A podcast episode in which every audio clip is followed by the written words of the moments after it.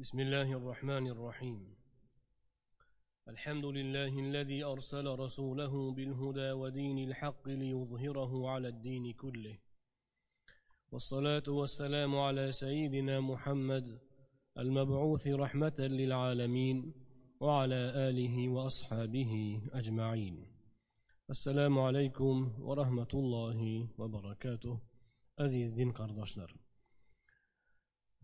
robbimiz alloh subhanahu va taoloning fazlu inoyati ila siz bilan rasulimiz muhammad mustafa sollallohu alayhi vasallamning shamoillari haqidagi hadis shariflarni imomi termiziyning shamoil kitoblaridan o'rganib kelayotgan edik. O'tgan galgi suhbatimizda o'rgangan bobimiz boshlagan bobimiz payg'ambarimiz alayhissalotu vassalomning vafotlari haqida mana shu mavzuda kelgan hadislar bobi edi. Ushbu bobdan navbatdagi hadisni o'qib bu bobdagi demak ma'lumotlarni batafsilroq o'rganishga o'tamiz. بسم الله الرحمن الرحيم وبالسند المتصل عن شيوخي إلى المصنف أبي عيسى محمد بن عيسى الترمذي رحمة الله عليه وهو قال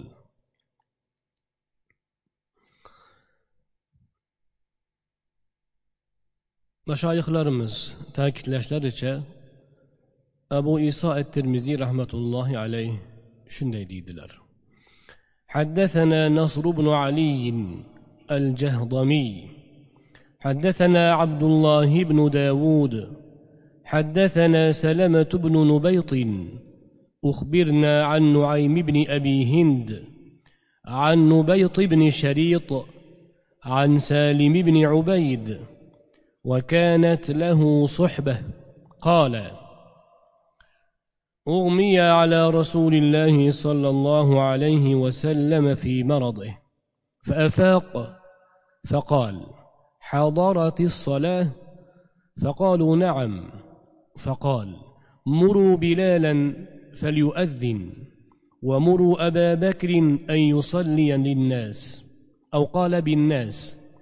قال ثم أغمي عليه. فأفاق فقال حضرت الصلاة؟ فقال فقالوا نعم. فقال مروا بلالا فليؤذن ومروا أبا بكر فليصلي بالناس. فقالت عائشة إن أبي رجل أسيف. إذا قام ذاك المقام بكى فلا يستطيع فلو أمرت غيره. قال ثم أغمي عليه.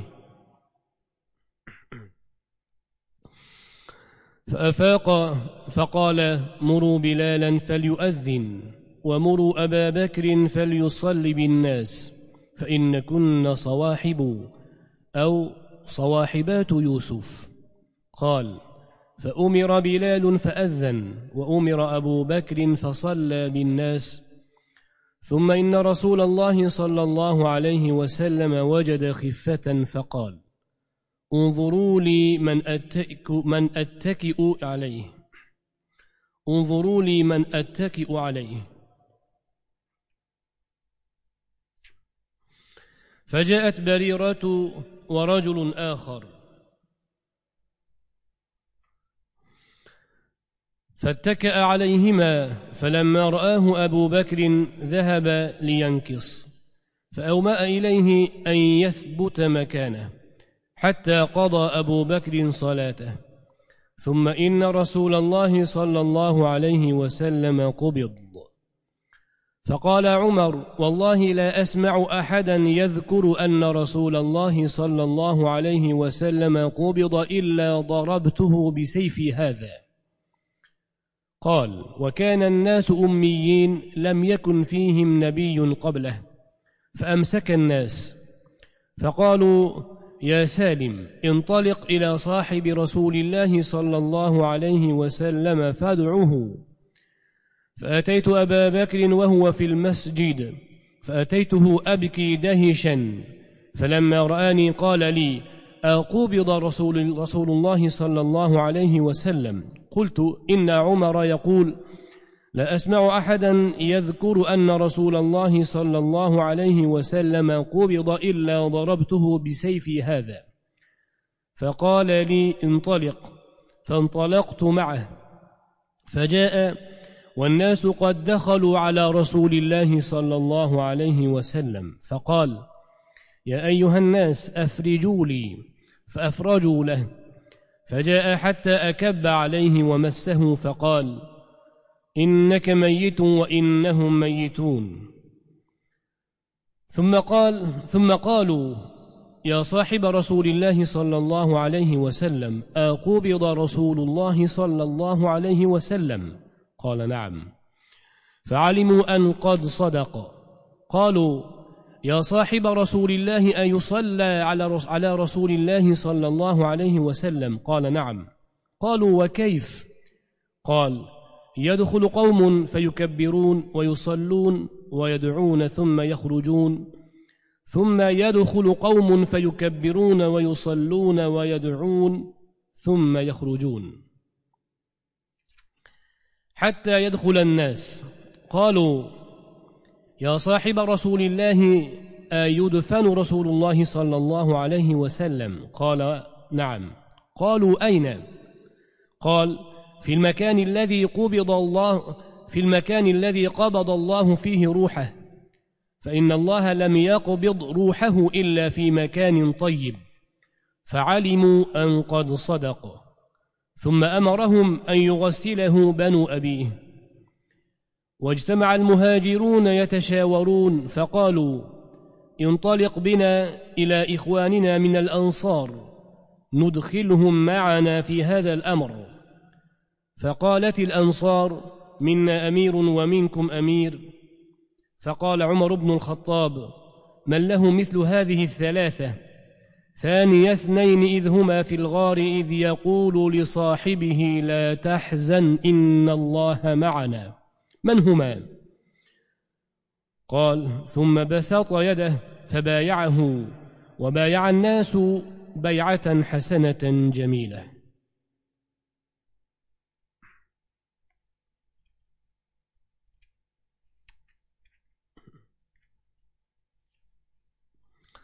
bu hadis sharif juda ham juda ko'p ma'nolarni e, nihoyatda batafsil siz bilan bizga bayon qiladi bu hadisni kichikroq sahobalardan solim ibn ubayd roziyallohu anhudan rivoyat qilinadi.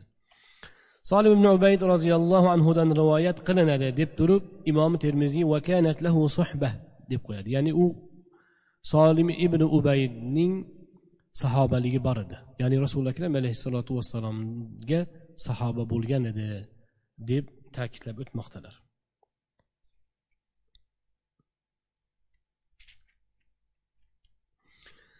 Solim ibn ubayd ahli suffadan bo'lgan ekanlar. Ahli suffa sahobalaridan bo'lgan ekanlar. U kishi aytadilar rasululloh sollallohu alayhi vasallam bemorliklarida o'sha vafotlaridan oldingi bemorliklarida behush bo'lib hushdan ketib qoldilar. Ya'ni istima og'riq kuchayganda hushdan ketib qoldilar. Keyin o'zlariga kelib namoz vaqti bo'ldimi? dedilar. Bu xufton namozi edi. Ha deyishdi. U zot bilolga buyuringlar azon aytsin. Abu bakrga aytinglar odamlarga namoz o'qib bersin dedi. Mana shu joyda roviylar deb ikkilanishni keltirganlar. Ya'ni linnas bo'lsa odamlar odamlarga imom bo'lib namoz o'qib bersin. Ayusol e, binnas bo'lsa o'zi ikkalasi ham bir xil. Voqelikda ya'ni natija bir xil. Lekin ma'noda ozgina farq bor. Linnas odamlarga namoz o'qib bersin desa ularga imom bo'lib namoz o'qib bersin bo'ladi. Ayusolliya binnas bo'lsa odamlarni jamlab namoz o'qib bersin. Ya'ni ya'ni mana shunga e'tibor bersin. Jamoat bo'lib namoz o'qib bersin. E, jamoatni yig'ib namoz o'qib bersin degan ma'no tushuniladi. Ikkalasida ham natija bir xil lekin muhaddislarimiz o'ta omonatdorlikdan shu li bilan bi o'zgargan xolos. Ozgina farq bor. Ana shuni ham agar e, demak o'zlarining zehnlarida xotiralarida to'liq aniq eslolmasalar odatga ko'ra ikkalasini ham aytib qo'yadilar. Ana shundoq shakkiroviy bilan aytyaptilar. Keyin yana hushdan ketib qoldilar. Yana o'zlariga keldilarda namoz vaqti bo'ldimi dedilar. Ha deyishdi. Bilolga buyuringlar ozon aytsin. Abu bakrga buyuringlar odamlarni to'plab ularga namoz o'qib bersin. Odamlarni jamoat qilib namoz o'qisin dedilar. Oysha roziyallohu anho hozir edi ya'ni u kishini uylarida bo'lyapti bu gap. Otam juda ko'ngli bo'sh e, keyin ta'sirchan odam. Sal narsaga o'zini yo'qotib yig'lab yuboradi hozir agar sizni maqomingizga tursa o'sha maqomda. Sizni maqomingizda hozir agar namoz o'qib berish kerak bo'lsa u yig'lab yig'idan o'zini to'xtata olmay o'qiy olmaydi namozni u. Boshqasiga buyursangiz bo'lardi yo rasululloh dedi oysha roziyallohu anhu nabiy alayhissalotu vassalom yana behush bo'ldilar. Keyin yana o'zlariga kelib odamlarga buyuringlar bilolga buyuringlar ozon aytsin. Abu bakrga buyuringlar odamlarga namoz o'qib bersin. Sizlar esa ayollar. Yusufni sohibalarisiz yusufni sohibalarisizda deb qo'ydilar. Bu joyda ham rivoyatda roviy shak qilgan savohibu av savohibatu degan ikkalasida ham bir yusufning sohibalarisiz deb qo'ydilar. Shunda bilolga buyurildi. U ozon aytdi abu bakrga buyurildi. U odamlarga namoz o'qib berdi. Rasululloh sollallohu alayhi vasallamning oysha roziyallohu anhoga sizlar deb xitob qilishi o'zi e, oysha roziyallohu anhoning o'ziga o'zi asli lekin ayol zotida bor narsani bayon qilmoqchilar. Siz ayollar yusufni sohibasi sohibasi kim edi? Endi rivoyatlarda nomlaganda zulayho deyishadi. Qur'onga ko'ra azizning xotini. Sizlar shu xotinni ishini qilasizlarda degan bo'ldilar rasuli akram alayhissalotu vassalom. Nega shunday dedilar?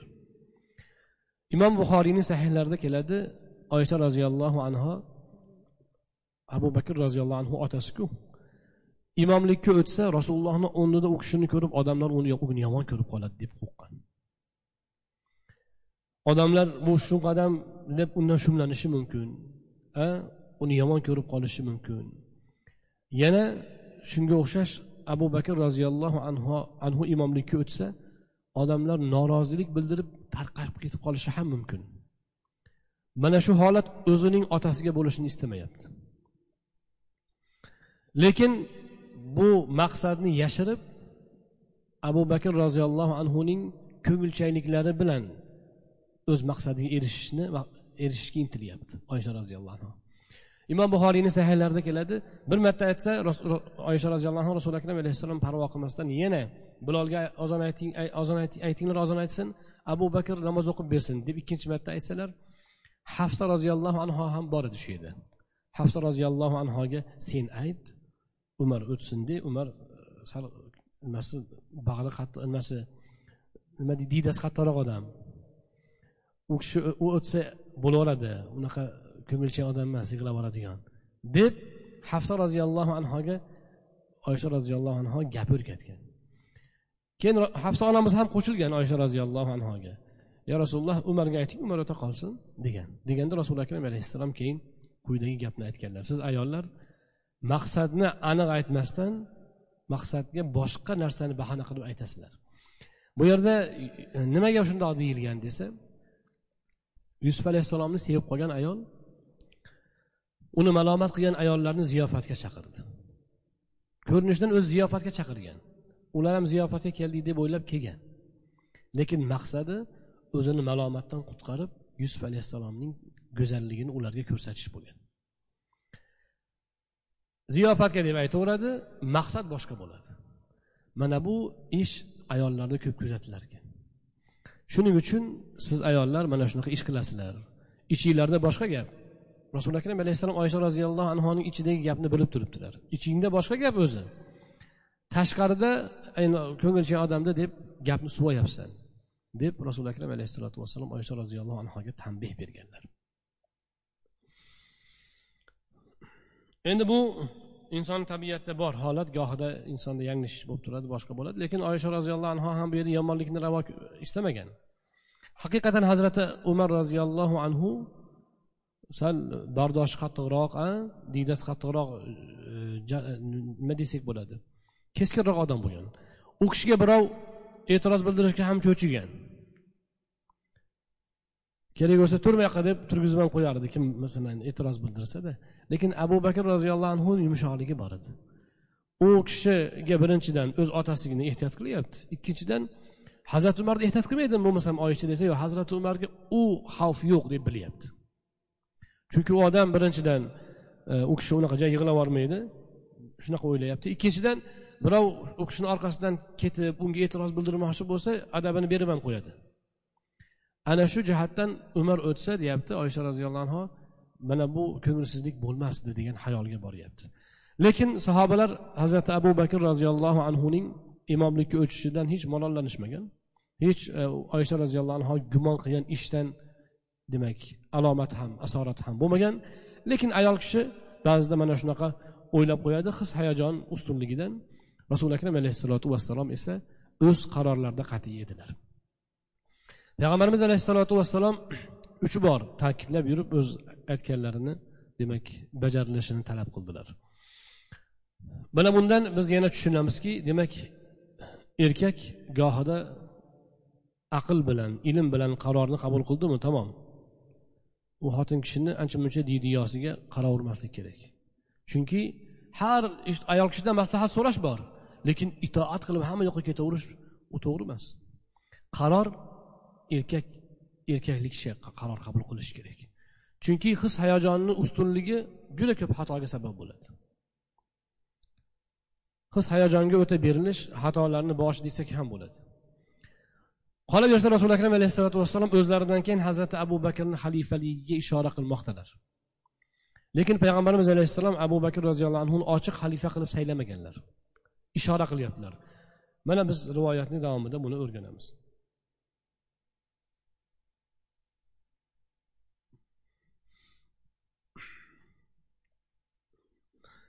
ثم إن رسول الله صلى الله عليه وسلم وجد خفة keyin rasululloh sollallohu alayhi vasallam o'zlarida biroz yengillikni tuyib menga bir tayanib chiqishim uchun biror kishini qaranglar chaqiringlar dedilar.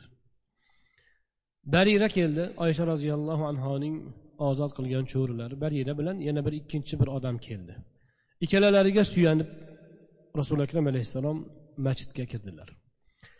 Abu bakr roziyallohu anhu u kishini ko'rib orqaga tistarila boshladi. Payg'ambar alayhissalotu vassalom unga o'z o'rnida turishni buyurdilar va abu bakr namozini mana shu bo'yi yakunladi. Sahih buxoriyda keladi.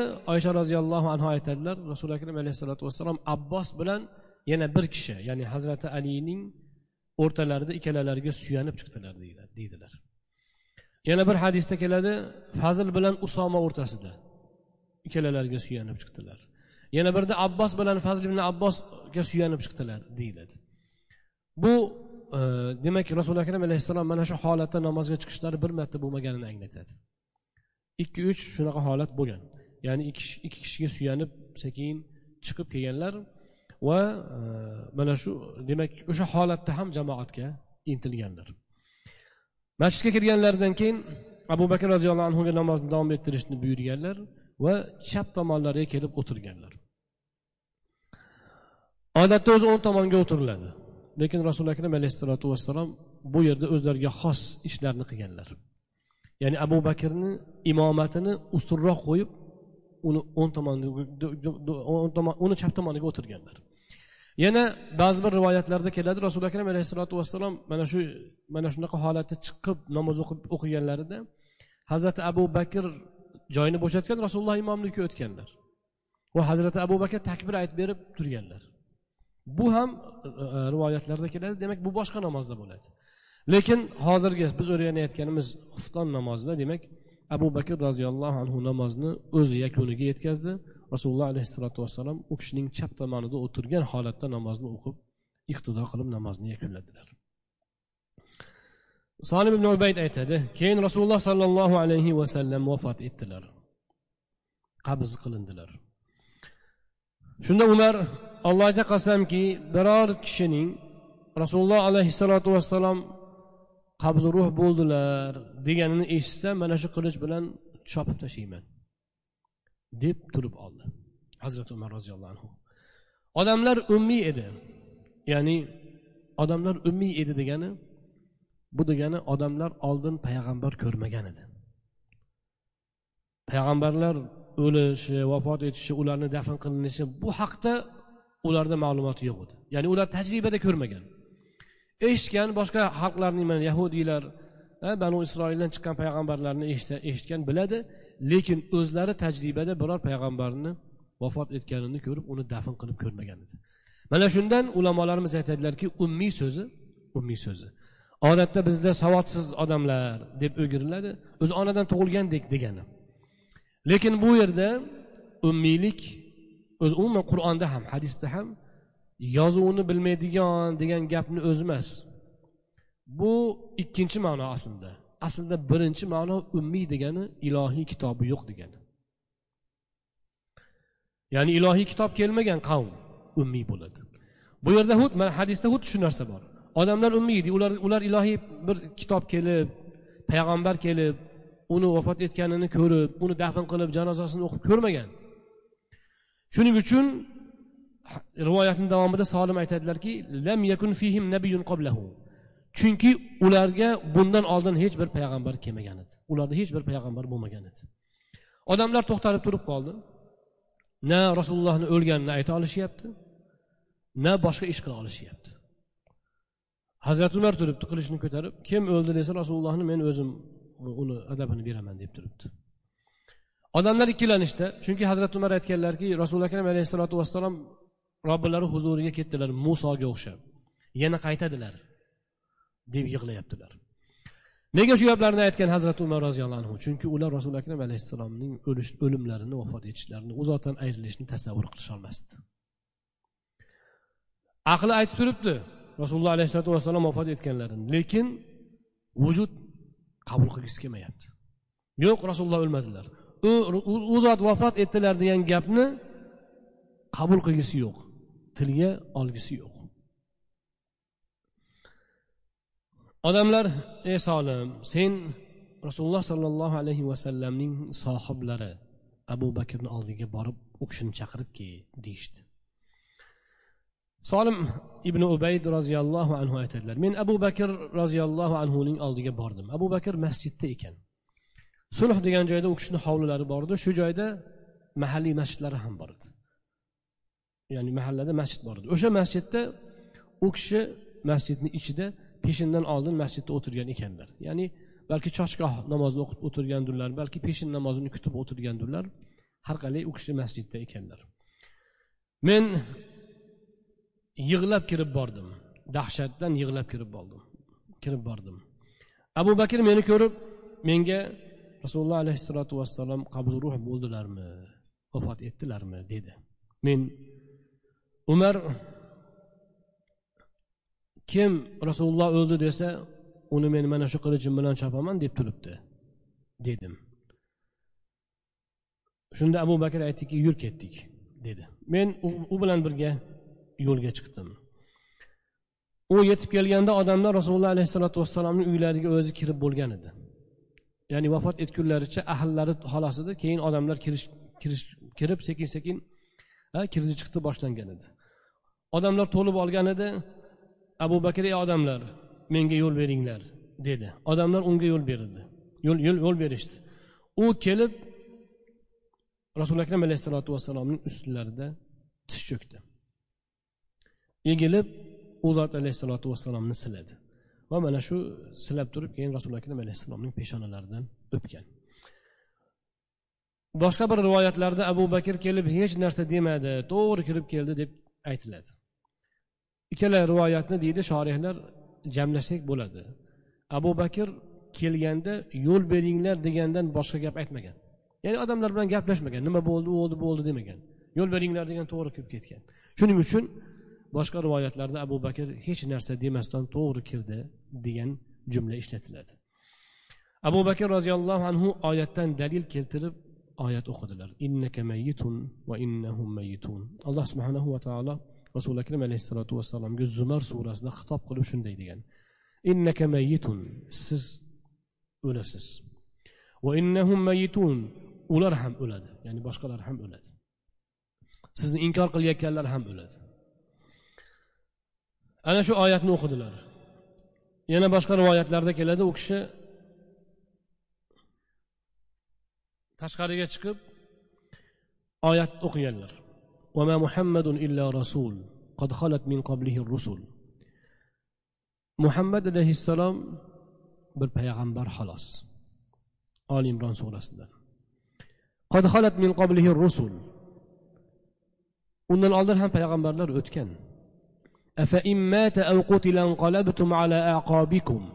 U o'lsa sizlar orqaga chekinib qaytasizlarmi? Ya'ni sizlar u o'lsa dindan qaytib ketasizlarmi?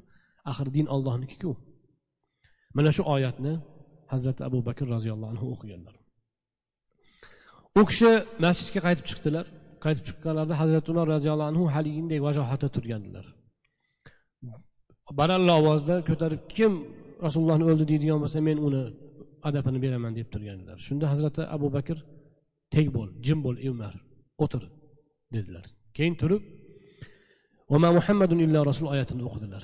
Hazrati umar aytadilarki boshqa sahobalar ham biz shu oyatni eskitdan bilar edik yodlagan edik. Lekin allohga qasamki abu bakr shu oyatni o'qiganda xuddi birinchi marta eshitayotgandek bo'ldik. Mana shu holat hayotda ko'p uchraydi.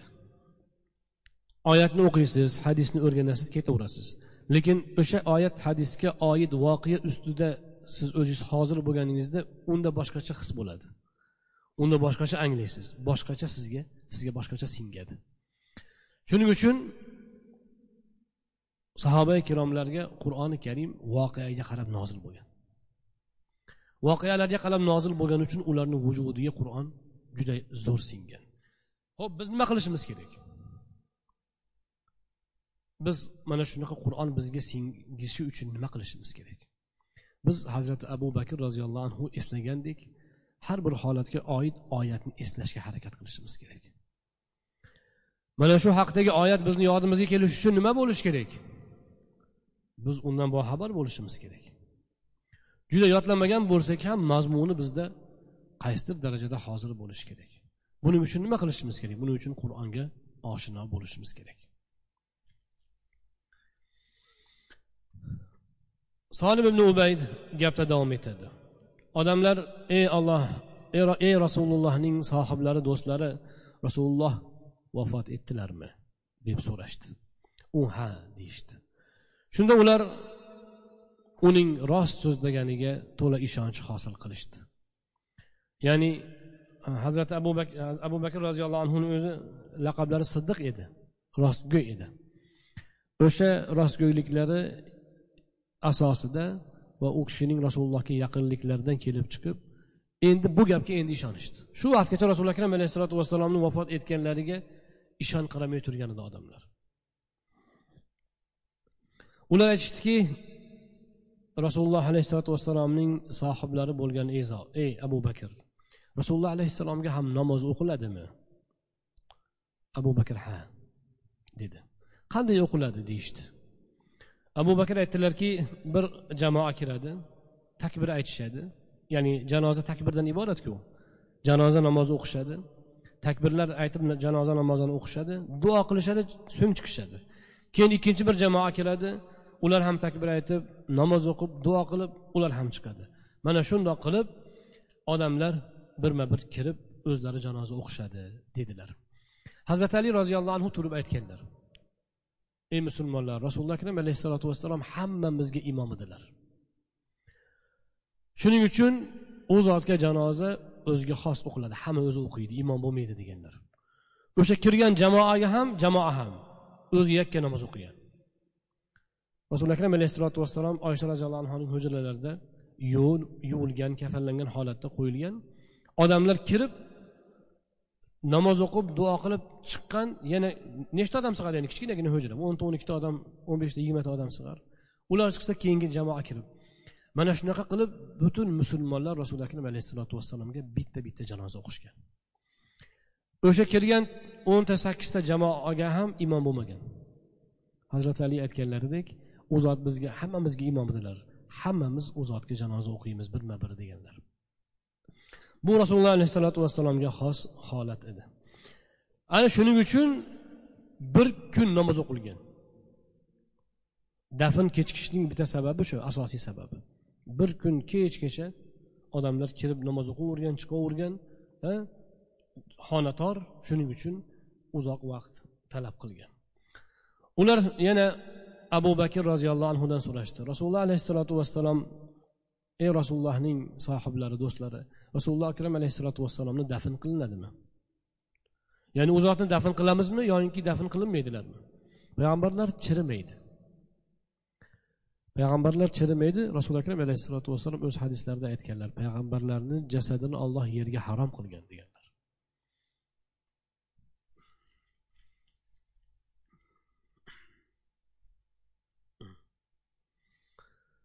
Payg'ambarimiz alayhissalotu vassalomni ushbu hadislaridan kelib sahobalar so'rashyaptiki rasululloh akram alayhissalom chirimasalar u kishini yerga qo'ymay dafn qilib qo'yavermaymizmi yoki dafn qilamizmi? Nima qilamiz? Hazrati abu bakr aytdilarki ha dafn qilamiz. Qayerga? deyishdi. Abu bakr aytdilar olloh u zotni ruhini qabz qilgan joyga u zotni dafn qilamiz. Chunki olloh u zotni faqatgina pok joyida ruhini qabz qilgan bo'ladi. Dedilar. Odamlar abu bakrning gapidan qanoat hosil qilishdi. So'ng u abu bakr buyurdi. Buyurdiki rasuli akram alayhissalotu vassalomni faqatgina ota avlod qarindoshlari yuvintiradi ya'ni ahllari yuvintiradi. Ota avlod merosxo'rlar. Merosxo'r bo'ladigan odamlar odatda. As, e, asabalar yuvintiradi boshqalar kirmaydi deb abu bakr roziyallohu anhu qaror qabul qildilar. Payg'ambarimiz alayhissalotu vassalomning mana shu madina munavvarada shu vafot etgan joylariga dafn qilinishini e, hazrati abu bakr roziyallohu anhu hadis bilan aytganlar. Boshqa rivoyatlarda keladi. Men rasuli akram alayhissalotu vassalomdan eshitganman.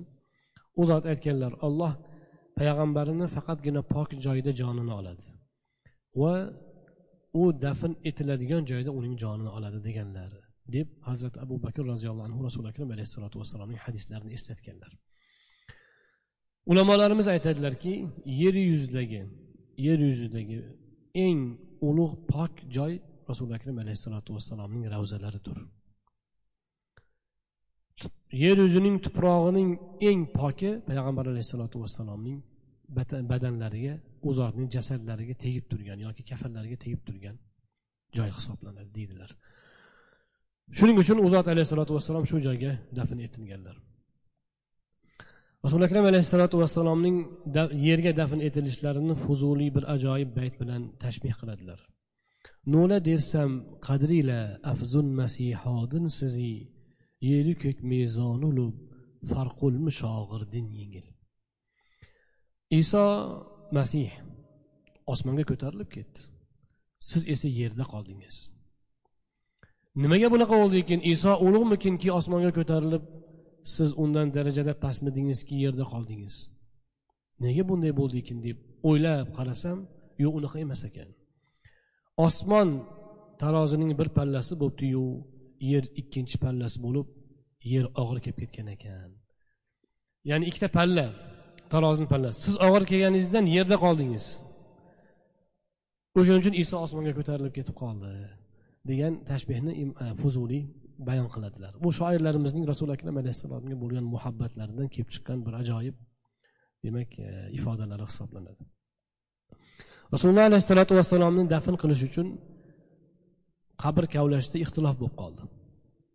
U zotga tikka qabr qaziymizmi shaq qilib yoki lahat qilib qaziymizmi bunda ham sahobalar ikkala usul ham bor edi.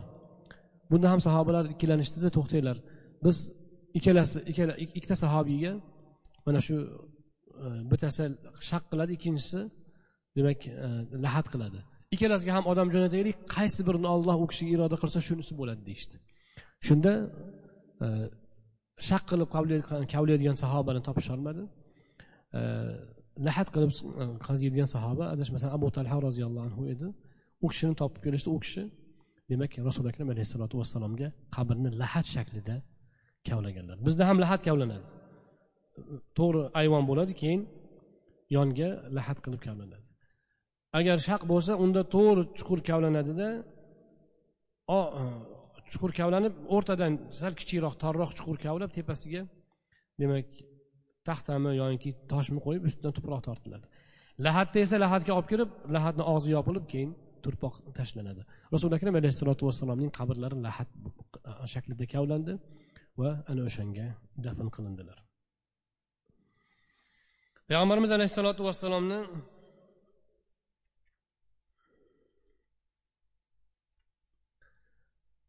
qusob ibn abbos roziyallohu anhu hazrati ali roziyallohu anhu suv quyib turganlar. Qusob ibn abbos fazl ibn abbos roziyallohu anhular bular suv quyib berib turishgan. Usoma roziyallohu anhular. Keyin rasuli akram alayhissalotu vassalomni kafanlashgan o'sha e, ikkita kiyimga kafanlandi va u zotga salla kiydirilmagan. E, rivoyatlarda atay ta'kidlanadi rasuli akram alayhissalomga salla o'ralmagan. Payg'ambarimiz alayhissalotu vassalomni dafn qilingandan keyin lahatga qo'yilgandan keyin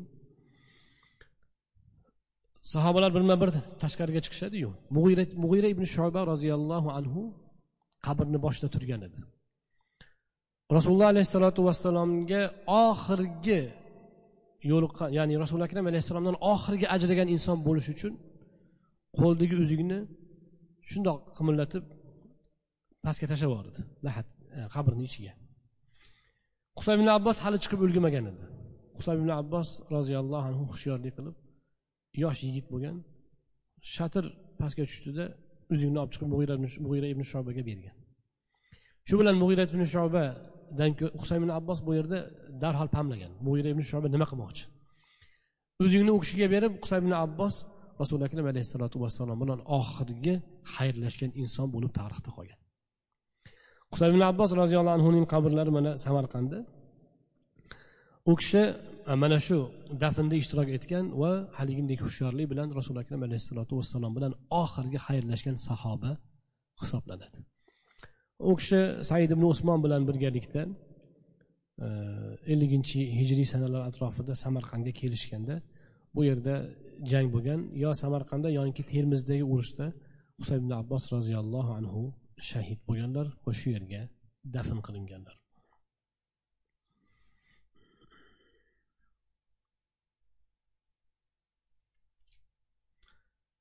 Husayn ibn abbos shuqron rasuli akram alayhissalotu vassalomning mavlolari shuqron. E, suv quyib turgan ekan va abbos va u kishini o'g'illari fazl ular yuvishga yordamlashib turgan. Hazrati ali roziyallohu anhu esa bir o'zlari rasuli akram alayhissalotu vassalomni yuvganlar. Rasuli akram alayhissalotu vassalom uchta oq kiyimga sahuliy kiyimga kafallandilar bu sahuliy kiyim degani yamandan keltirilgan mato ekan. Oppoq mato bo'lgan. Va paxtadan to'qilgan mato hisoblangan. U zot alayhissalotu vassalomga ko'ynak kiydirilmagan ham salla ham o'ralmagan. Va tahnit ya'ni xushbo'ylik surtilib mushk surtilmagan u zot alayhissalotu vassalomga mumyo pumyo boshqa narsa ham surtilmagan. Abu talha roziyallohu anhu bilan zayd ibn sahl u zot alayhissalotu vassalomga lahatni ular qazishgan. Aynan rasuli akram alayhissalotu vassalomning o'sha vafot etgan o'rinlariga qazishgan.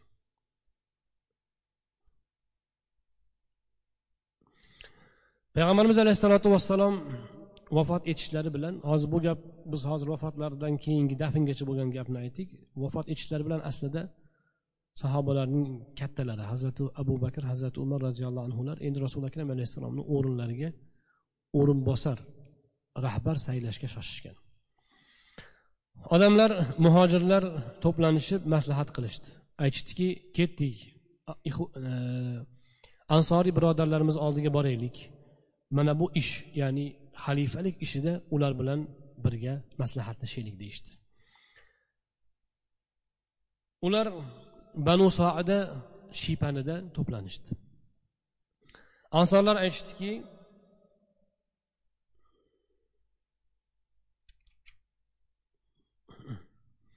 sizlardan bitta amir bo'lsin muhojirlardan. Bizdan ansorlardan bitta amir bo'lsin deyishdi.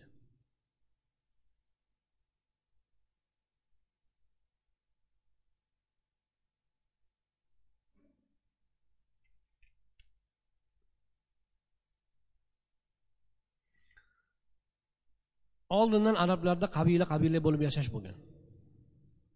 Har bitta qabilani o'zini boshlig'i bo'lgan. Va mana shunaqa bo'laversin. Ansorlar o'zimiz rahbar saylaymiz. Sizlarga muhojirlarga o'zinglarga bitta alohida rahbar bo'lsa mana shunda to'g'ri bo'ladi degan gapni ansorlar aytishdi. Shunda umar ibn hattob roziyallohu anhu bu gapni keskin rad etdilar. Aytdilarki unda tafriqa bo'ladi. Musulmonlar e, jamoasi endi tafriqaga tushishga to'g'ri keladi. Yo'q. Rasuli akram alayhissalotu vassalom shuning uchun aytganlar sizlardan kim bir kishi amir saylansa ikkinchi amirlik davo qilgan odam chiqsa uni o'ldirsin deganlar. Ya'ni rahbar bitta bo'ladi musulmon jamoaga. Endi u mintaqalar kattayib ketgandan keyin har biriga alohida amir bo'lishi bu boshqa masala. Lekin bitta joyda bitta jamoaga ikkita amir bo'lmaydi. Rahbar bitta bo'lishi kerak. Rasuli akram alayhissalom mana shundoq ta'lim bergan edilar. Shuning uchun umar ibn hattob aytdilarki yo'q amir bitta bo'ladi. Lekin sizlarga savol. Mana bu oyatda kelgan uchta fazilat bor. O'sha abu bakrdan boshqa kimda bor aytinglarchi? deb oyatni o'qidilar. Bu oyat rasuli akram alayhissalom bilan hazrati abu bakr roziyallohu anhuning g'orda birga bo'lganliklari haqidagi oyat edi.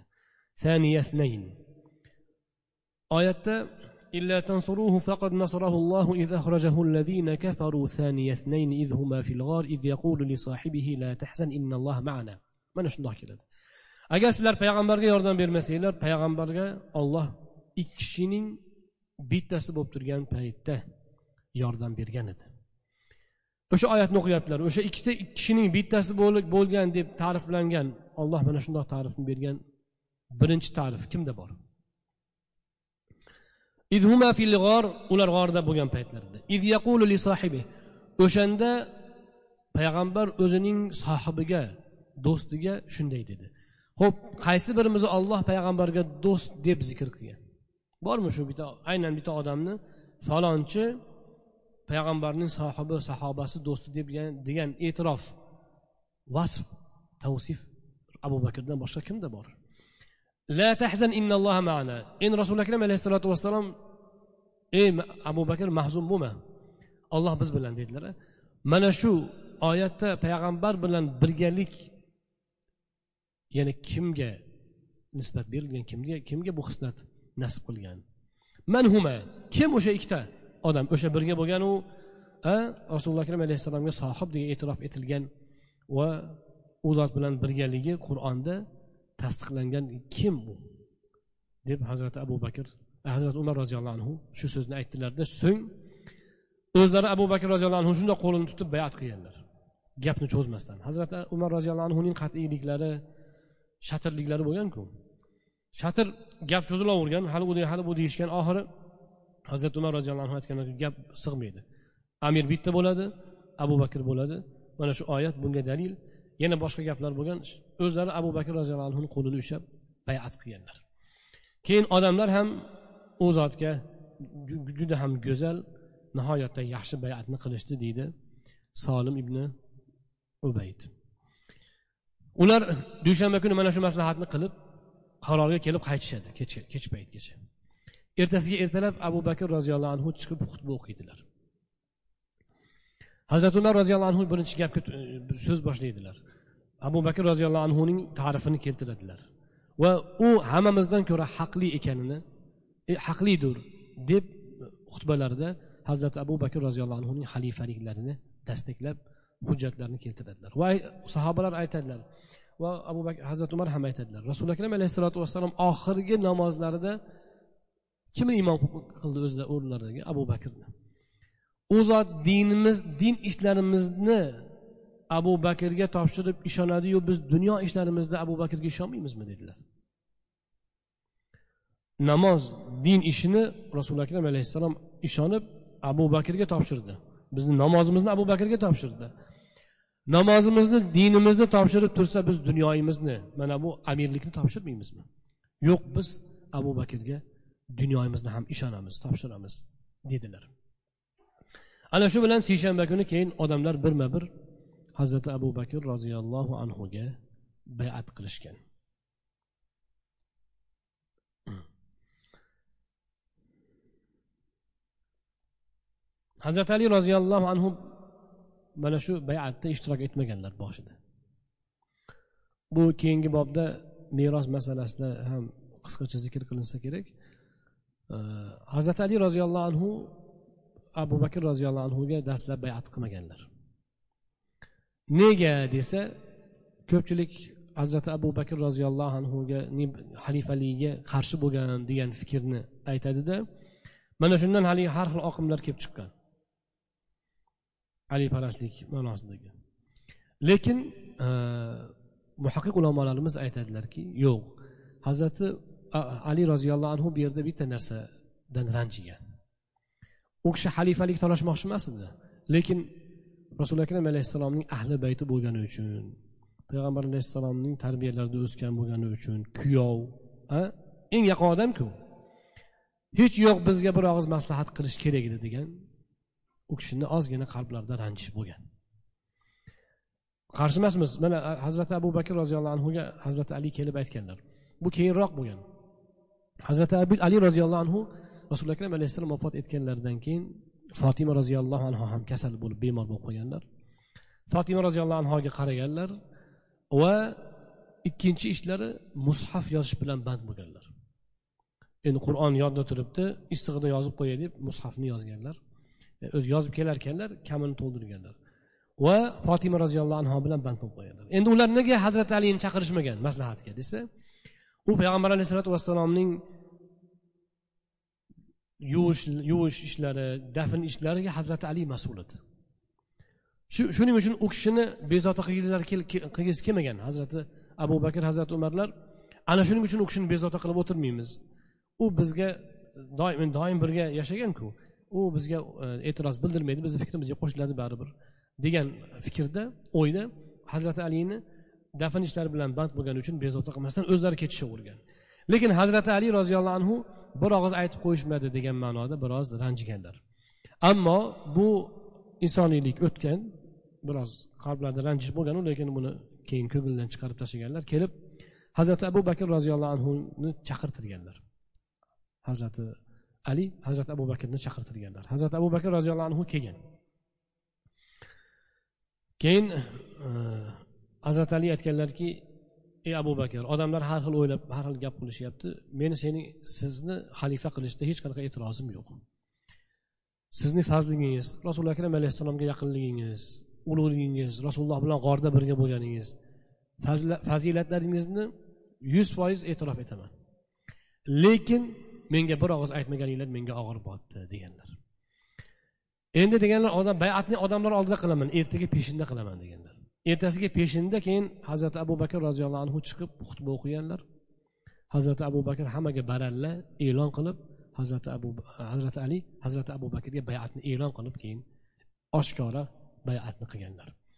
Va o'shanda hazrati ali roziyallohu anhu ham dildagi bor gapni aytganlar. Men hech qanaqa abu bakrning xalifaligiga e'tirozim yo'q edi. Lekin bir og'iz maslahat solib sen nima deysan? deb qo'yishmaganiga biroz ranjidim xolos. Lekin haqiqatan bu hammamizdan ko'ra xalifaligi haqli edi deganlar.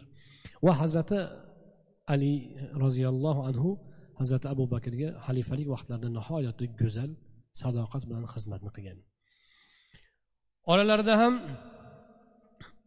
oilaviy aloqa ham nihoyatda yuksak bo'lgan. Mana shu fotima roziyallohu anhoni hazrati abu bakrni ayollari qaragan bemorligiga. Umrmon qarab parvarish qilgan. Ba'zi odamlar ikkalalarini orasini urushtirishga harakat qiladi. Yo'q. Hazrati ali roziyallohu anhu fotima roziyallohu anhuning janozasini o'zi o'qigan. Odamlar to'planib har xil tashvish bo'lmasin deb mana shundoq ishlar qilingan. Bunga o'xshash payg'ambar alayhissalotu vassalomning xonadonlariga xos holatlar xos ishlar bo'ladi bo'lgan. Ular demak agar o'sha voqeiy tafsilot bilan o'rganilsa keyin to'g'ri tushuniladi. Bo'lmasam odamlar haligi gumon qilgan har xil hayolga borishi mumkin. Odamlar odatda o'zidan kelib chiqib xulosa qiladi. Lekin ulug' insonlarni his qilish uchun insonda o'sha ulug'vorlik bo'lsa keyin anglaydi. Ba'zi odamlarning qarashi quyi bo'ladida talablari quyi dunyoqarashi tor. O'zidan kelib chiqib hammaga shunaqa baho beraveradi. Abu masalan hazrati ali abu bakrga bayat qilmadimi? Demak u o'zi xalifa bo'lmoqchi edi ekan degan o'yni xayoliga keltirishi mumkin. Lekin hazrati alini tanigan odam hazrati ali roziyallohu anhu bilan hazrati abu bakr oralaridagi voqelikni yaxshi bilgan odam aytadiki yo'q bu yerda boshqa gap bor. Demak u gap hazrati ali tillar bilan aytgan gap. Men da'vogar emasman lekin bir og'iz bizdan bir qator so'rab qo'yish kerak edi. Ahli bayt sifatida deganlar. Hazrati alining bu gaplarida ham jon jon bo'lgan jon bor. Nega desa e, u kishi ahli bayt bo'lgani uchun payg'ambarimiz alayhissalotu vassalomning ahli bayti alohida qadrlangan. Mana salovatlar borku. Rasuli akram alayhissalom salovatni o'rgatganlar namoziga salovat boshqa salovat. Hamma salovatlarda payg'ambarimiz o'rgatgan salovatlarda allohumma solli ala muhammad va ali muhammad keladi. Muhammad alayhissalomni muhammad alayhissalomga va u kishini oilasiga ahli baytiga salovat aytamiz deydi. Sahobalar zikr qilinmaydi. Hadislarda kelgan salovatlarda odatda sahobalar yo'q.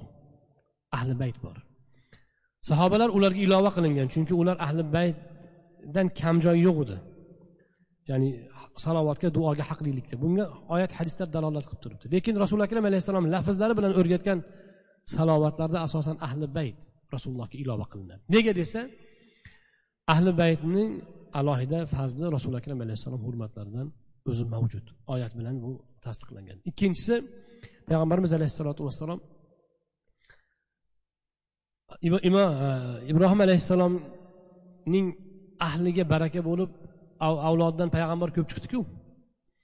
Mana shunaqa fazlni avlodlariga istaganlar. Ya'ni o'zlarini avlodlariga e, alohida allohdan rahmat salovat bo'lishini istaganlar va shuning uchun endi allohni amri. Shuning uchun ahli baytga salovat qo'shiladi. Va bu salovat tilda faqat tilda bo'lmaydi. Siz ollohdan salovat so'rayapsizmi ahli baytga? Demak ularga muhabbat ham bo'lishi kerak. Ularga o'ziga yarasha ehtirom bo'lishi kerak e'tibor bo'lishi kerak. Ana shu imtiyozni hazrati ali roziyallohu anhu yaxshi his qilgan edi. Yaxshi anglagan edida mana shu narsani rioya qilish kerak edi degan ma'noda u kishidan ozgina e'tiroz bo'ldi. Lekin haligindek sarosima payt ha haligindek bir shoshilinch paytda ba'zi bir bunga o'xshash masalalar demak e'tibordan chetda qolishi tabiiy hol. Lekin hazrati abu bakr hazrati umarlar ham ahli baytni nihoyatda boshlariga ko'tarib hurmat qilganlar. Hazrati abu bakr kelib hazrati alini oldiga kelganlarida aytganlar. Ha hazrati fotima roziyallohu anhoga aytganlar. Hazrati aliga ham ikkalalariga ham aytganlar. Allohga qasamki men uchun o'z ahli baytimdan rasulullohni ahli bayti mahbubroq ana shundoq sizlar har xil hayolga bormanglar odamlarni gapidan degan gapni aytganlar. Mana shu demak e, bu hadis sharifda o'rganmoqchi bo'lgan so'zlarimiz edi.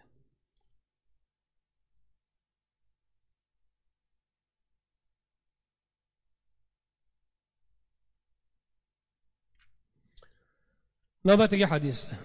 حدثنا نصر بن علي حدثنا عبد الله بن الزبير شيخ باهلي قديم بصري. حدثنا ثابت ثابت البناني عن أنس بن مالك قال لما وجد رسول الله صلى الله عليه وسلم من كرب الموت ما وجد قالت فاطمة رضي الله تعالى عنها وكرباه فقال النبي صلى الله عليه وسلم لا كرب على أبيك بعد اليوم إنه قد حضر من أبيك ما ليس بتارك منه أحدا الموافاة يوم القيامة.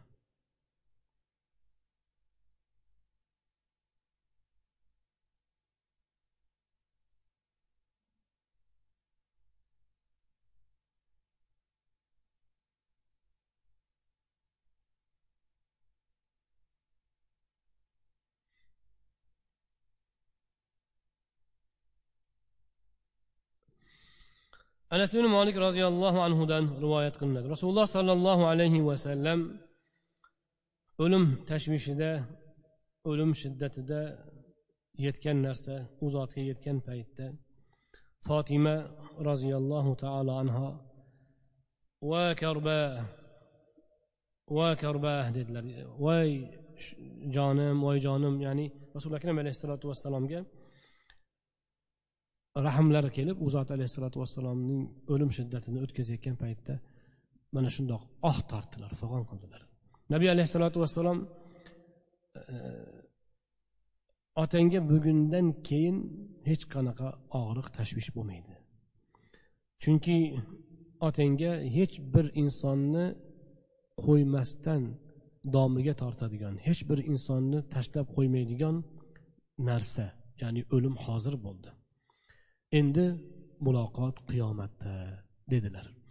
Rasuli akram alayhissalotu vassalomning bu gaplari o'sha fotima roziyallohu anhu vafotlaridan sal oldin kelgan paytda bo'lgan. Ya'ni o'limning shiddati bor vafotlariga balki bir soat qolib qolmagan payt choshgoh paytidan oldin fotima roziyallohu anhu kirgandilar choshgohda rasuli akram alayhissalom vafot etdilar. Mana shu paytda bo'lgan.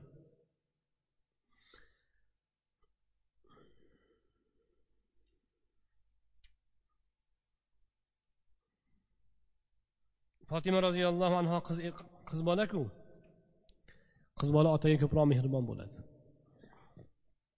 rasuli akram alayhissalom vafot etganlarida fotima roziyallohu anhuning ajoyib aytgan baytlari bor صب علي مصائب لو أنها صبت على الأيام صرن لياليا menga bugun shundoq bir boshimga tashvish tushdiki shunday musibat tushdiki agar bu musibat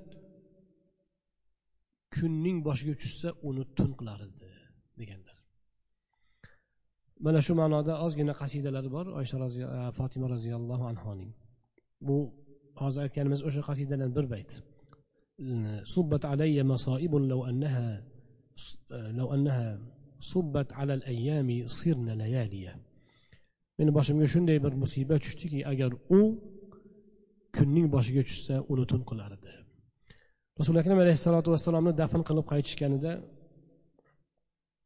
fotima roziyallohu anho yig'lab voy otajonim voy mehribonim endi osmondan vahiy uzildimi? deb yig'laganlar. Sahobalarga dafn qilib chiqqan sahobalarga sizlar rasulullohni dafn qilib keldinglarmi? Rasul otamni ustidan tuproq tortib keldinglarmi? degan ma'nodagi nolishlarni ham fotima roziyallohu anho qilganlar. Bu vaqtda fotima roziyallohu anho yigirma ikki yosh atrofida bo'lganlar o'zi yosh bo'lganlar. yigirma ikki yigirma besh yosh atrofida bo'lganlar va rasuli akram alayhissalotu vassalomdan keyin olti oy hayot kechirganlar xolos. Mana bundan demak ba'zida musibat kelgan paytda yig'lash joizligini tushunamiz va otajon deb yig'lasa onajon deb yig'lasa hech qanaqa karohiyati yo'qligini tushunsak bo'ladi. Ba'zi odamlar haligi hadisda uvvos solib yig'lashdan qaytarilganini juda mubolag'a qilib tushunib olishadida umuman yig'lama deydi uningni chiqarma deydi ha lekin gohida inson to'lib ketib yig'lashi mumkin biroz ovozi chiqishi mumkin otajon onajonim deyishi mumkin va hokazo. Lekin juda haligi sanab tavsiflab juda haligi osmonni upar qilib vasflab yig'lash bu endi uvvos solish bu joiz emas نوبتك حديث حدثنا أبو الخطاب زياد بن يحيى البصري ونصر بن علي قال حدثنا عبد ربه ابن بارق الحنفي قال سمعت جدي أبا أمي سماك سماك ابن الوليد يحدث أنه سمع ابن عباس رضي الله عنه تعالى رضي الله تعالى عنهما يحدث أنه سمع رسول الله صلى الله عليه وسلم يقول من كان له فرطان من أمتي أدخله الله بهما الجنة. فقالت عائشة رضي الله عنها فمن كان له فرط من أمتك قال ومن كان له فرط يا موفقة. قالت فمن لم يكن له فرط من أمتك. قال فأنا فرط لأمتي لن يصابوا بمثلي.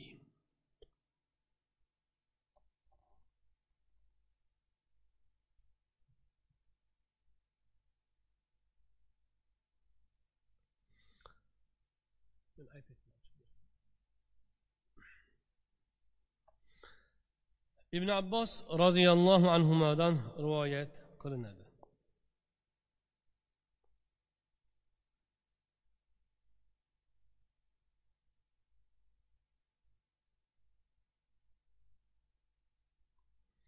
Ibn abbos roziyallohu anhudan rivoyat qilinadi. U kishi shunday deb aytib berar ekanlar. Rasululloh sollallohu alayhi vasallamning shunday deganlarini eshitganman. Kimga ummatimdan kimga olloh ikkita farat qilgan bo'lsa ya'ni kimda ummatimdan kimda ikkita farat bo'lsa olloh o'shalar tufayli uni jannatga kiritadi dedilar. Farat degani voyaga yetmasdan o'lgan bolaga aytiladi kimning ikkita farzandi voyaga yetmagan farzandi vafot etsa u ota onasiga farat bo'lib shafoatchi bo'ladi. Farat degani oldingi hadislarda ham aytganmiz izohi shuki odatda qo'shin bir joyga borib qo'nishidan oldin bir uchta to'rtta odam ikkita uchta odam borib joyini ko'rib suvni tayyorlab joylarni tayyorlab hamma yoqni hozirlab qo'yadi. Qo'shin kelgan paytda e, sarosimaga tushmaydi. Ana shu birinchi boradigan o'sha oldingi guruh farat bo'ladi. Insonning agar farzandi o'lsa dunyoda voyaga yetmagan farzandi o'lsa rasuli akram alayhissalotu vassalom aytganlar u ota onasiga farat bo'ladi. Ya'ni u borib ota onasiga jannatda joy hozirlab turadi va ularga shafoatchi bo'ladi deganlar. Ushbu hadisda aytgan ekanlarki payg'ambar alayhisalotu vassalom kimda ikkita agar farzanddan vafot ikkita farzandi vafot etib ikkita farat bo'lsa uni o'shalar tufayli alloh jannatga kiritadi dedilar. Farzanddan ayrilish og'ir musibat bo'lganidan nihoyatda og'ir judolik bo'lganidan u ollohning taqdiriku agar shuni sabr bilan hadisda keladi ham bilan kutib olsa ana unda farzand unga farad bo'ladi. Rasuli akram alayhissalotu vassalom bir hadislarda aytdilar kimning jigar go'shasi farzandi vafot etsa uning ruhini olib chiqqan farishtalardan olloh so'raydi. Meni mo'min bandamning farzandining oldi farzandini oldinglarmi? Farzandining ruhini qabz qildinglarmi? Ha alloh shundoq bo'ldi. O'zingning taqdiring shundoq bo'lgan ekan. Mening bandamni jigar go'shasi ko'z ko'zining nurini jonini oldinglarmi? Parvardigor shundoq bo'ldi. Amr shundoq bo'lgan ekan. Olloh bilib turib so'raydi deydi hadisda. Bandam nima dedi? Bandang bergan ham o'zi olgan ham o'zi dedi yo'q senga hamd aytdi. Deyishadi farishtalar. Shunda alloh subhanahu va taolo unday bo'lsa jannatda u uchun bir ham degan uy ko'ringlar u faqat ana o'shandoq mana shu bandalarimga bo'ladi deb aytadi deyiladi hadis sharifda. Demak musibatni ana shundoq qarshi olib qabul qilgan kishilarga mana bu daraja bor. Farzandlari ularga shafoatchi bo'ladi. Shafoatchi bo'lishi nima degani? O'zining amali yetmaydi. O'zining amali jannatga kirishga yetmaydi. Aksincha do'zaxga olib ketadigan holat. Mana shu paytda farzandi unga shafoatchi bo'ladi. Payg'ambar alayhissalomni shafoatchiligi ham ana shunday katta gunoh qilgan kishilarga bo'ladi. Solihlarning ahli qur'onlarning shahidlarning ulamolarning shafoati ham shunaqa. Ya'ni shafoat o'sha shafoatga muhtoj odamlarga qilinadi.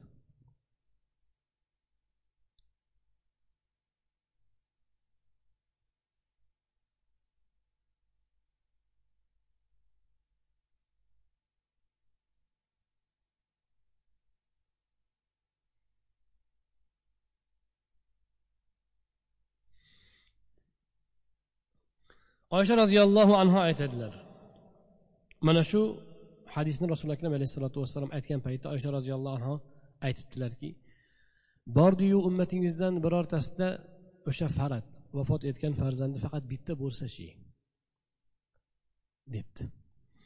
Shunda rasuli akram alayhissalotu vassalom ey muvaffaqa ey tavfiq quchgan ayol degan ey tavfiq quchgan ayol bitta bo'lsa ham shafoatchi bo'ladi o'sha tufayli jannatga kiritadi alloh uni debdilar. Shunda oysha roziyallohu anhu yana savolda davom etibdi. Agar hech kimning agar hech bir farati bo'lmasachi ummatingizni ya'ni biror farzandi o'lmasdan u yashab o'tgan bo'lsachi aksari shunaqaku. Aksar insonlar uni farzanddan ya'ni voyaga yetmagan farzanddan ajrash hammada ham emas kam. Agar ummatingizda farati bo'lmasa birorta ham farzandi voyaga yetgan yetmagan farzandi o'lgan holat bo'lmasa unda nima bo'ladi? Oysha roziyallohu anhu so'radilar. Rasuli akram alayhissalotu vassalom unda ummatimning farati men o'zim bo'laman. Chunki ular mendan ajragandek musibatga uchramaydi dedilar. Oysha roziyallohu anhoni bu hadisdan tushunadigan yana bitta nuqtamiz. Oysha roziyallohu anhu rasuli akram alayhissalotu vassalom nimaga yaxshi ko'rganlarini mana shu hadisdan anglasak bo'ladi. Ey muvaffaqa ey hushyor xudo tavfiq bergan olloh suygan qiz olloh suygan ayol deb turib xitobga javob beryaptilar savolga javob beryaptilar. Chunki o'sha joyda o'tirgan boshqa birortasi mana bu savolni bergani yo'q. Oysha roziyallohu anhu esa hushyorligidan shariatni dinni o'rganishga bo'lgan ishtiyoqi yuksakligidan u kishi bu savol mana shu savolni berganlar. Hadis rivoyat qilish bo'yicha oysha roziyallohu anhu ayollar ichida birinchi o'rinda. Ayollar ichida. Erkaklarda erkaklarni qo'shganda ham ikkinchi uchinchi o'rinda turadilar. Unaqa kam emas u kishini rivoyatlari. Vaholanki oysha roziyallohu anhu rasuli akram alayhissalotu vassalom bilan sakkiz yil to'qqiz yil birga yashaganlar. To'g'rimi? U yigirma yillab yashagan sahobalar bor. U zotdan oldin mana savdo onamiz u zotdan oldin rasuli akram alayhissalotu vassalomga turmushga chiqqan edi. Makkadalik paytda paytda turmushga chiqqan edi. Ulardan bunaqa ko'p rivoyat yo'q. Boshqa onalarimiz ham oysha roziyallohu anhodan keyin ketma ket rasuli akram alayhissalotu vassalomning xonadonlariga kirib kelishgan. Ular ham hadislar rivoyat qilishgan lekin ularning hadislari ham juda sanoqli lekin oysha roziyallohu anhoning hadisni ilmni o'rganishga bo'lgan ishtiyoqi o'ta baland bo'lganidan payg'ambarimiz alayhissalotu vassalomdan juda ko'p narsani o'rganib olgan. Va esda saqlab ham qo'ygan. Oysha roziyallohu anhoni rasululloh sevishlari yaxshi ko'rishlarining asosiy sababi mana shu ilmga bo'lgan rag'batlari diyonatga bo'lgan demak diyonatda bo'lgan ustunliklari uchun edi. Ba'zi odamlar o'ylagandek yoshligi uchun boshqa uchun emas. Chunki rasuli akram alayhissalomni ayollari ichida o'n yetti o'n sakkiz yosh yigirma yosh atrofidagi ayollar bor edi. Ya'ni u eng barkamol yoshdagi ayol. Fotima roziyallohu oysha roziyallohu anhu endi voyaga yetgan. Turmush qurishga yaraydi. Turmush qurishga yaraydi lekin endi voyaga yetgan. Hali kamolot emas Э, ayol kishining kamoloti yigirma o'ttiz yosh atrofida bo'ladi o'zi. Ana o'shandoq ayollik jihatdan kamoloti yuksak ayollar rasuli akram alayhissalotu vassalomni nikohlarida bor edi. Lekin ularning ichida go'dak e, yoshroq yoshroq bo'lgan oysha roziyallohu anhoni suyishlari uning demak ayollik jihatdan ustunligi uchun emas edi. Balki ilm zakovat taqvo va itoatlari uchun edi. Oysha roziyallohu anhu rasuli akram alayhissalotu vassalomdan bitta hadisni eshitsa eshitib ketavermagan ekan. Imkon qadar shu savol berib ko'proq narsa o'rganib qolishga intilganlar. Va bu payg'ambarimiz alayhissalotu vassalomga eng mahbub holat hisoblanadi. Rasuli akram alayhissalotu vassalom o'z hadislarida aytganlar kimga bir musibat yetsa mening men, men bilan musibatlanganini eslasin. Ya'ni mendan ajraganini eslasin.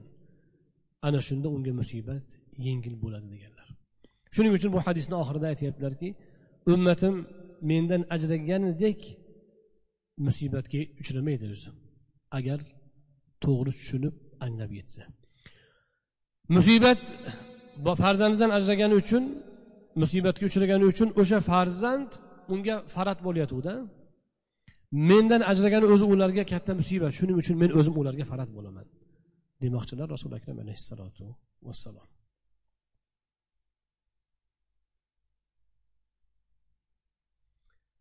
Payg'ambarimiz alayhissalotu vassalom vafot etganlaridan keyin dafn marosimlari dafn marosimi chorshanba kuni kechasi bo'lgan va ana rasuli akram alayhissalotu vassalomning qabrlari turavergan oysha roziyallohu anhu o'sha uyda yashayvergan o'rtadan parda tortib qo'yilgan oysha roziyallohu anhu o'z uylarida istiqomatda davom etganlar.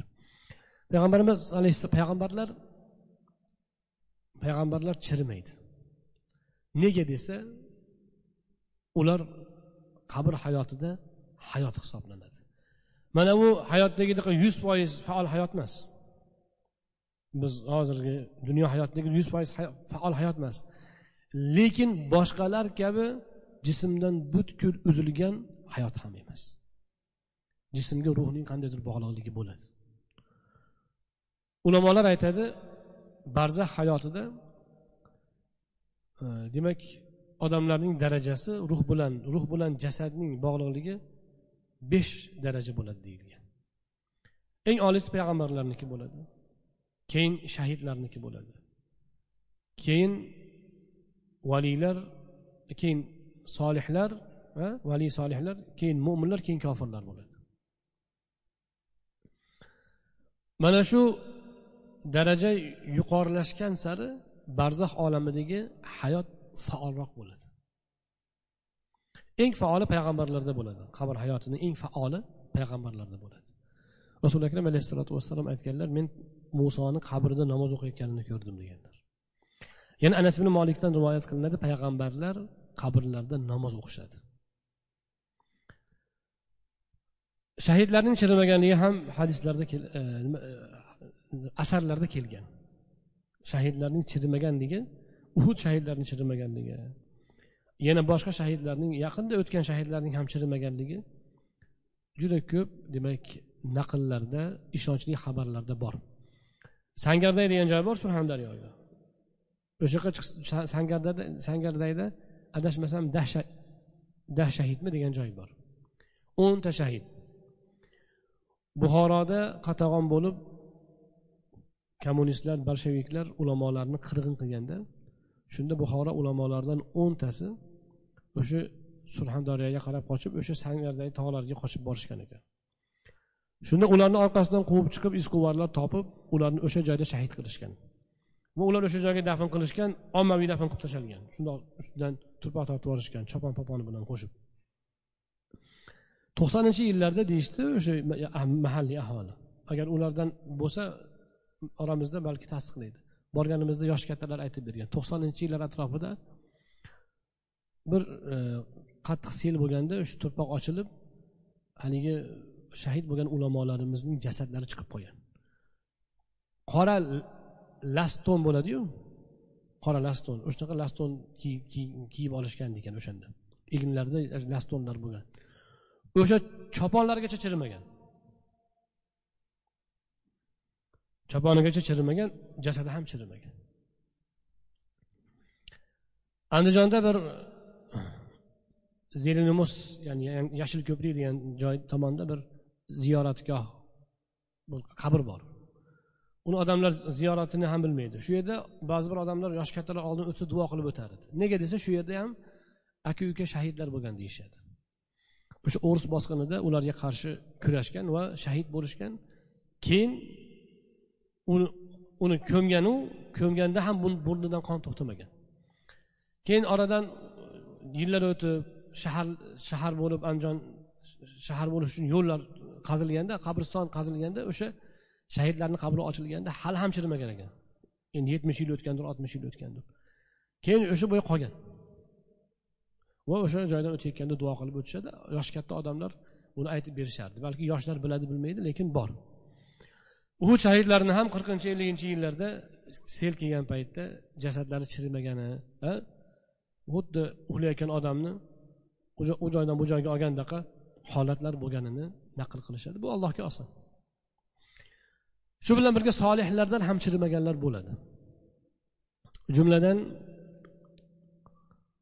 abbos andijoniy degan kishi deyishadi e, madina makka mukarramada vafot etganlar deydi. Endi buni yana aniqlashtirib qo'yaman men ba'zi e, manbalardan. Yosh kattalarni aytishicha uch kishi ham chirimagan ekan. E, u kishi biz vatandoshlarimizdan bo'lgan makka hijrat qilgan kishilardan bo'lgan. Andijonda yalang'och to'ram degan kishi o'tganlar. U kishi odatda ular sag'anaga qo'yilgan. Uyni o'zida qabristoniga sag'anaga qo'yilgan. Shu sag'anada e, yettita avlod qayta qayta qo'yilavergan oldingisini oradan yigirma yil o'ttiz yil o'tib keyingisi qo'yilavergan yalang'och to'ram ham qo'yilgan. E, adashmasam qodirxon to'ra degan kishidan keyin qo'yilgan.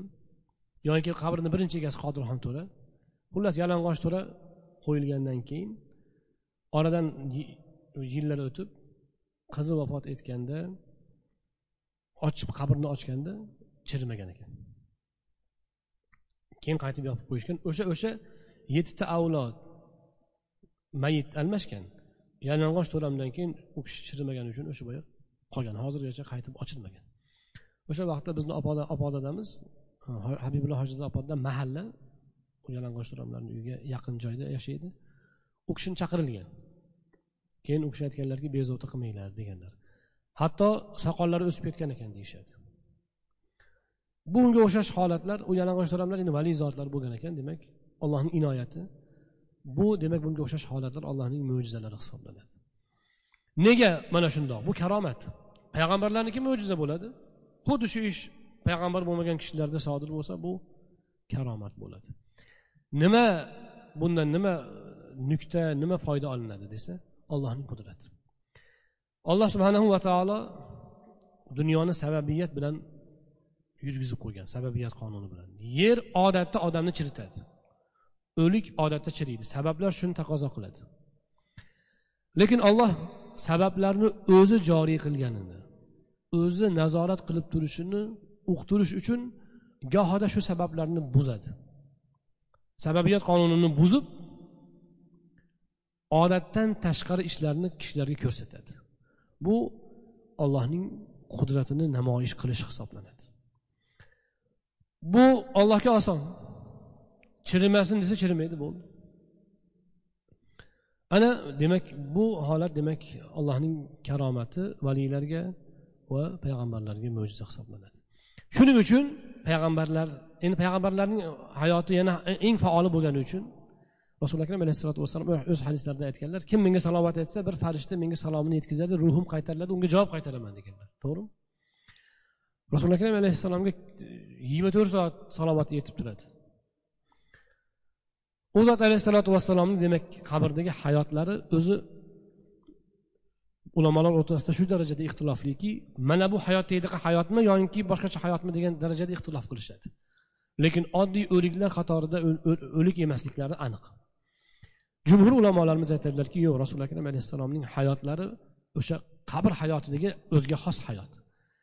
Lekin bu dunyodagi faol hayotdan emas.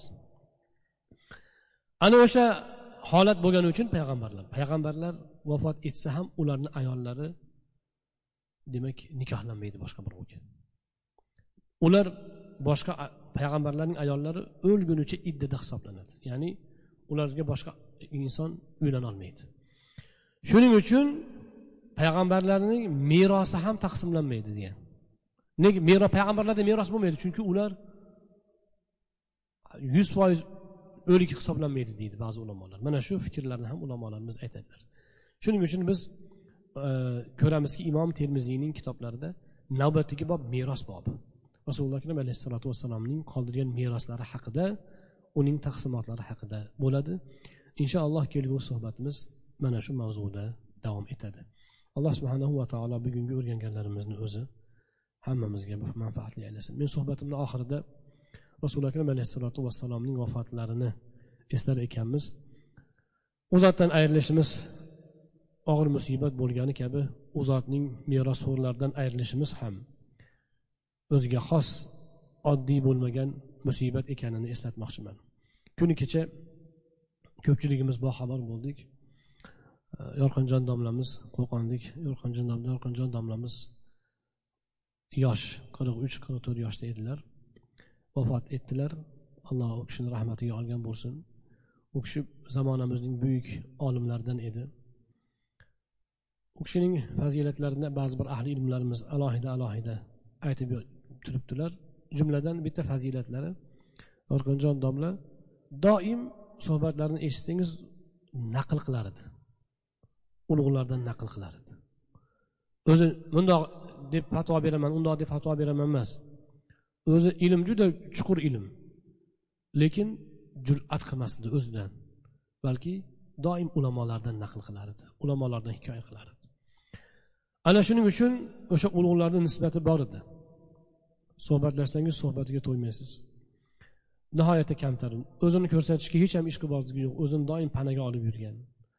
Ixloslari ibodatlari tahsinga sazovor edi. Va doim din g'amida ilm ma'rifat g'amida edi. Bo'sh qoldi kitob o'qiverar edi qo'lyozmalarni o'rganishga ham juda juda peshqadam edi. Bir e, misrga borganimizda kutubxonalarni elektron majmuasi bor ekan. Men ham oldim Э, u kishida ham bor ekan. Endi biz vaqtimiz bo'lmayapti uni ko'rgani. U kishi bilan har ko'rishganimizda bir qancha kitobni ko'rib qo'ygan bo'ladi haligi elektron kitoblarni. Sarlavhasi bormi nimasi bormi ro'yxati bormi ko'rib qo'ygan bo'ladi. Va mana shunaqa ilmga hamisha polvon kishi edi. Shu bilan birga u kishi sayohatga ham juda polvon edi himmatli edi bir joyda turib qolmas edi haligi imom shofiy aytganlaridek suv bir joyda tursa aynib qoladi oqib tursa chuchuk bo'ladi deganlaridek u kishi doim shu e, ahli ilmlarni e, ziyoratlarida bo'lar ilmiy davralarga oshiqar o'tgan ulug'larni ziyoratlarini qilardi. Nafaqat o'zbekiston bo'ylab u kishi rossiyada e, turkiyayu hindistonu boshqa joydagi ulug'larni ziyoratlariga mana shunday peshqadam edilar. Umrlari qisqa ekan yaqinda qo'qonda masjidda xizmat boshlagandilar juda quvnab turgan edik. Qisqa bo'lsada juda mazmunli hayot kechirdilar. O'zlaridan bir qancha shogirdlar qoldirdilar. Va ayrim kitoblar ham meros qoldirganlar. Inshaalloh u kishini ilmlari e, davom etadi. E, lekin tan olishimiz kerak to'qson foiz balki sakson foiz to'qson foiz ilmni o'zi bilan olib ketdi. To'plagan ilmlarini berib yetkazib ulgurmadi u kishi. Alloh subhanahu va taolo ajrini savobini ko'paytirsin. Mo'min kishining har bir holati demak allohning irodasi ekan. U kishi o'zi suhbatlarda aytgandek allohning qilmishi har nima qilsa buni xudo qiladi va alloh nima qilsa o'sha yaxshi hisoblanadi. Banda uchundir boshqalar uchundir. Allohni irodasi shu ekan. Rozi bo'lishdan boshqa choramiz yo'q. Lekin boshqa ahli ilmlarimizni qadrlashga o'rganishimiz kerak. Ularni haqlariga duoda bo'lishimiz kerak. Ularga agar qo'limizdan kelsa imkoniyatimiz bo'lsa agar qurbimiz yetsa to'g'ri nasihat qilishimiz kerak samimiy. Ularga agar xato qilgan joyi bo'lsa lekin ularni orqasidan gapirib obro'sini to'kishga harakat qilish bu ummatga xiyonat hisoblanadi.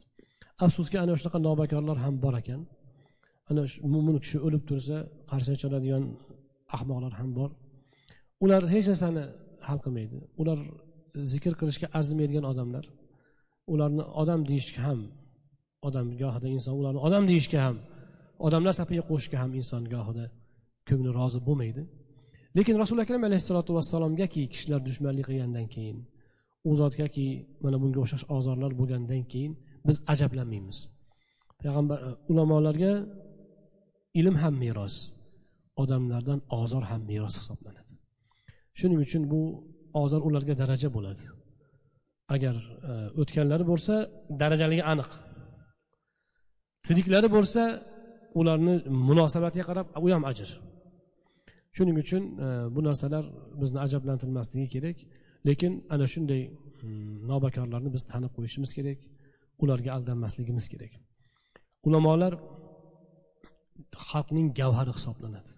Bitta olim bitta odam bitta odam masalan yorqinjon domlaga o'xshash yoyinki boshqa yosh olimlarimizga o'xshash darajaga erishish uchun necha yil nechta odamni mehnati yana allohning tavfiqi yana qancha narsa kerak? Buni biz qadrlashga o'rganishimiz lozim bo'ladi. Ularni qadrlashning eng birinchi ishi eng birinchisi ularni ilmlaridan foydalanishdir. Ularni so'zlaridan foydalanish va ulardan demak to'g'ri xulosa chiqarish mana shu ularning ilmlaridan ularga nisbatan eng yaxshi katta yaxshilik hisoblanadi. Alloh subhanahu va taolo o'tgan domlamiz barcha o'tgan ustozlarimizni o'zi rahmatiga olsin.